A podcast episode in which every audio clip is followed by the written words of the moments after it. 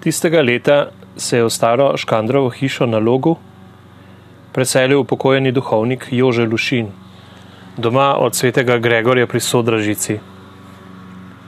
Na zadnje je bil župnik v Hude Dršici, zato je pri Mašah, kjer sem zvesto ministriral, vedno molil za žive in pokojne hodence. hodence. Gospod Lušin je bil prijazen mož. Le pet let zapora in prisilnega dela ki jih je moral preživeti po vojni, je postilo svoj pečat. Kadil je kot Turek in kuhinja, kjer je preživel največ časa, je bila vedno zakajena. Razlagal je, da se je navadil kaditi v zaporu, ko ga je pogostoma trla lakota. Imel je gospodinjo Liziko Zadravec doma iz središča obdravi, ki je bila izvrstna kuharica. Šalil se je, da je ona liska, kakor je bilo ime tudi pred nekateri kravici. Lizika pa ni bila prav nič zadovoljna s takim humorjem. Obema sem začel od groma nositi mleka v majhni kanglici. Najbolj slastni so bili pri njima medenjaki z orehovimi jedrci na vrhu, ki jih je znala Lizika zelo dobro pripraviti. Nekoč sem srečal pri njem tudi Žaneta Oražma in še nekatere druge duhovnike, ki so prišli na obisk gospodu Lušinu, kakor sem pravil dobrodušnemu duhovniku. Žana je bil tako kot Lušin po vojni daljše obdobje zaprt. Mislim, da sta bila sojetnika. Bil je rektor v semenišču, doma iz runarskega na blokah. Živo se spominjam vprašanja, ali vem, kaj je to ara. Ko sem odvrnil, da gre za predujem, je bil z mojim odgovor, odgovorom zelo zadovoljen. Morda je tudi on na škofiji kaj namignil, da bi bil mladi ministrant zloga primeren za duhovniški stan, ampak jaz še kar nisem bil navdušen nad to idejo. Nasprotno, kar groza meje je bila. Škandrova hiša, v kateri smo se verniki zbirali k bogoslužju in veruku, je bila takrat že kar kakšni dve leti v lasti ljubljanske načkofije. Stara stavba z začetka 19. stoletja je bila vsekakor zanimiva. Od temačne in vlažne kleti, v katero so vodile starodavne vegaste stopnice, do podstrešja z dimnico, ki se ji še poznalo, koliko okusnih salam in šunk se je prekadilo v njej. Vmes pa kapela Marije, matere cerkve, s čudovito kregarevo sliko device Marije, križevim potom veselke Šorli Puc, dvema molečima angeloma in Mojzesom, ki je krasil dolbino proti nekdanjemu Škandrovemu gumlu.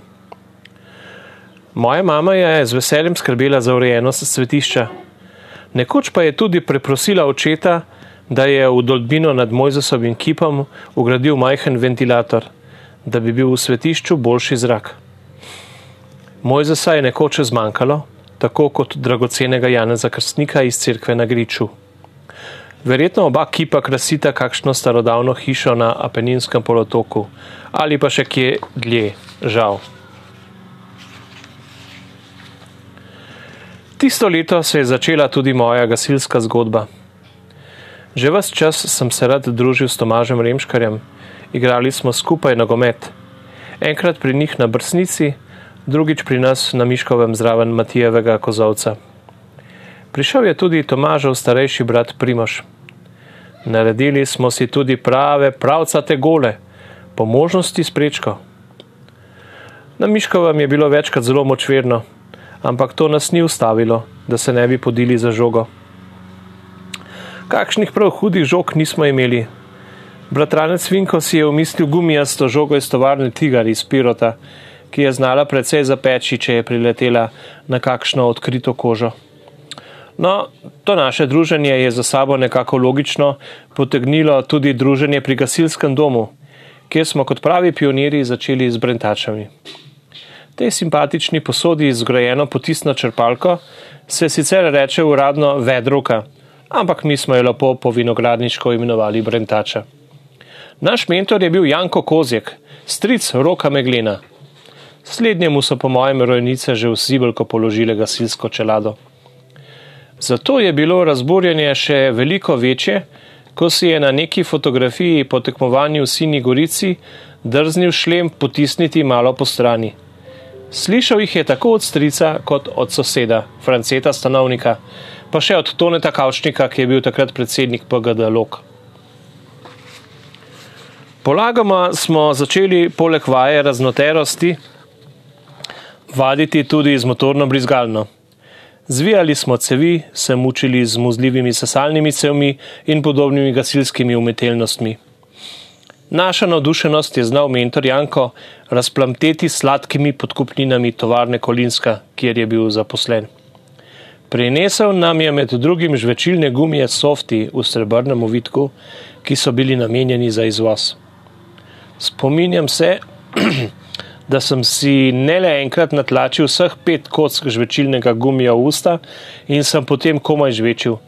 Tako velika gumijasta kepa se je nabrala v ustih.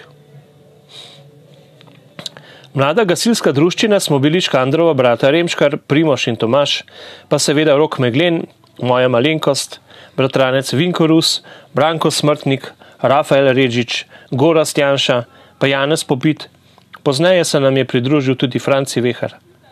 Nedvomno so si tako gasilci pridobili spodobno nasledstvo, ki še danes drži po konci PGD Lok. Na tekmovanja smo se vozili v gasilskem kombiju, kjer smo se stiskali med sevmi, sredi vozila pa je nemo na podvige čakala rdeča Rozenbavarjeva, črpalka, ki je tako pogosto stalnica v slovenskih prostovoljnih gasilskih društvih. V kombiju je vedno pomalem smrdelo po nafti, ampak ta von pač sodi zraven. Ubadali smo se z opasači, da so nam dobro pristojali, pa s srebrnimi čeladami. S pretesnimi delovnimi oblekami takrat še nismo imeli težav. Na tekmovanjih v okviru Gasilske zveze Vrtnika smo spoznali ogromno prijateljev z vseh koncev občine Vrtnika, z nekaterimi smo postali dobri prijatelji. Seveda smo se potiham najbolj veselili malice ob koncu. Morda še najbolj jaz, ki sem bil zmeraj pomalem sestraden. Tako so med staro Škandrovo domačijo, v kateri je bila kapela Marije, matere cerkve, in gasilskim domom potekali moji začetni najstniški dnevi. Takrat so se nam dekleta zdela še trapasta. Pri veruku smo se skrivali za vogale in jim nagajali. Ona so verjetno že stopila v drugo obdobje, zato smo se jim zdeli še dvakrat bolj trapasti. Takrat sem raje prebiral knjige, po katere sem hodil v različne knjižnice. Tako v Cankarjevo knjižnico na Vrhniko, kjer sem imel številko 3361, pa v šolsko knjižnico in ne nazadnje v izpisovališče Cankarjeve knjižnice na logu v gasilskem domu, kjer sem bil knjižničar sam. Tu pa je bila številka moje izkaznice 85. Žal prav velikega obiska v gasilskem domu ni bilo. Še najbolj zvest bralec je bil sogasilec in soministrant Rok Meglen. Pozneje sem začel pomagati tudi učiteljici slovenščine Bravčevi v šoli v Dragomerju. Ona je bila ob enem tudi šolska knjižničarka. Bravčeva je bila kar stroga učiteljica, vendar nam je znala slovenščino lepo približati. Vsaj meni, ne vem, kako so njo in materiščino doživljali sošolci. Zapomnil sem si jo po uri, ki jo je nosila kot obesek na verižici okoli vratu. Knjižnica je takrat zasedela del večnamenskega prostora v zgornjem hodniku. Od ostalega dela je bila zagrajena z masivnimi stojali, na katerih so bile večkrat razstavljene risbe in slike, delo likovno bolj nadarjenih šolarjev. V ostalem delu smo tako radi igrali nogomet, pa če je bila žogica samo zmečkan papir, povezan s lotepom, ali pa žogica iz penaste gume. Seveda smo bravčevi šli kdaj pa kdaj na živce in nas je prepodila, vendar ne za dolgo. Pri Škandru sem kot ministrant svoj pogled usmerjal proti nebu. Sicer mi je nemirne misli večkrat odneslo ne vem kam, tako da sem čez nekaj časa zgrožena da sem se čez nekaj časa zgroženo znašel spet od oboltarju in skrivoma pogledoval okoli sebe, ali me kdo opazuje. Če bi se bil v tem času odsotnost duha, odsotnosti duha čudno obnašal. Gospod Lušin me je naučil tudi fatim latinskih poimenovanj za mašna oblačila in rekvizite. Cingulum, alba, amict, pluvial, pa purificatori, lavabo, lavabo, aspergil in še kaj bi se našlo. Za psalm je vedno uporabljal besedo himen. Bil je pač duhovnik starega kova in je še ohranjal stare navade, pa tudi terminologijo. Pri Maši sem tudi rad bral berilo in predstavljal plakate na kovinskem stojalu na steni. V božičnem času so pod to stojalo ponovadi postavili jaslice. Rad sem tudi premikal strani v misalu, tako da sem prijel za črn ali rdeč usnjen zavihek in predstavil na ustrezno euharistično molitev ali slavospev.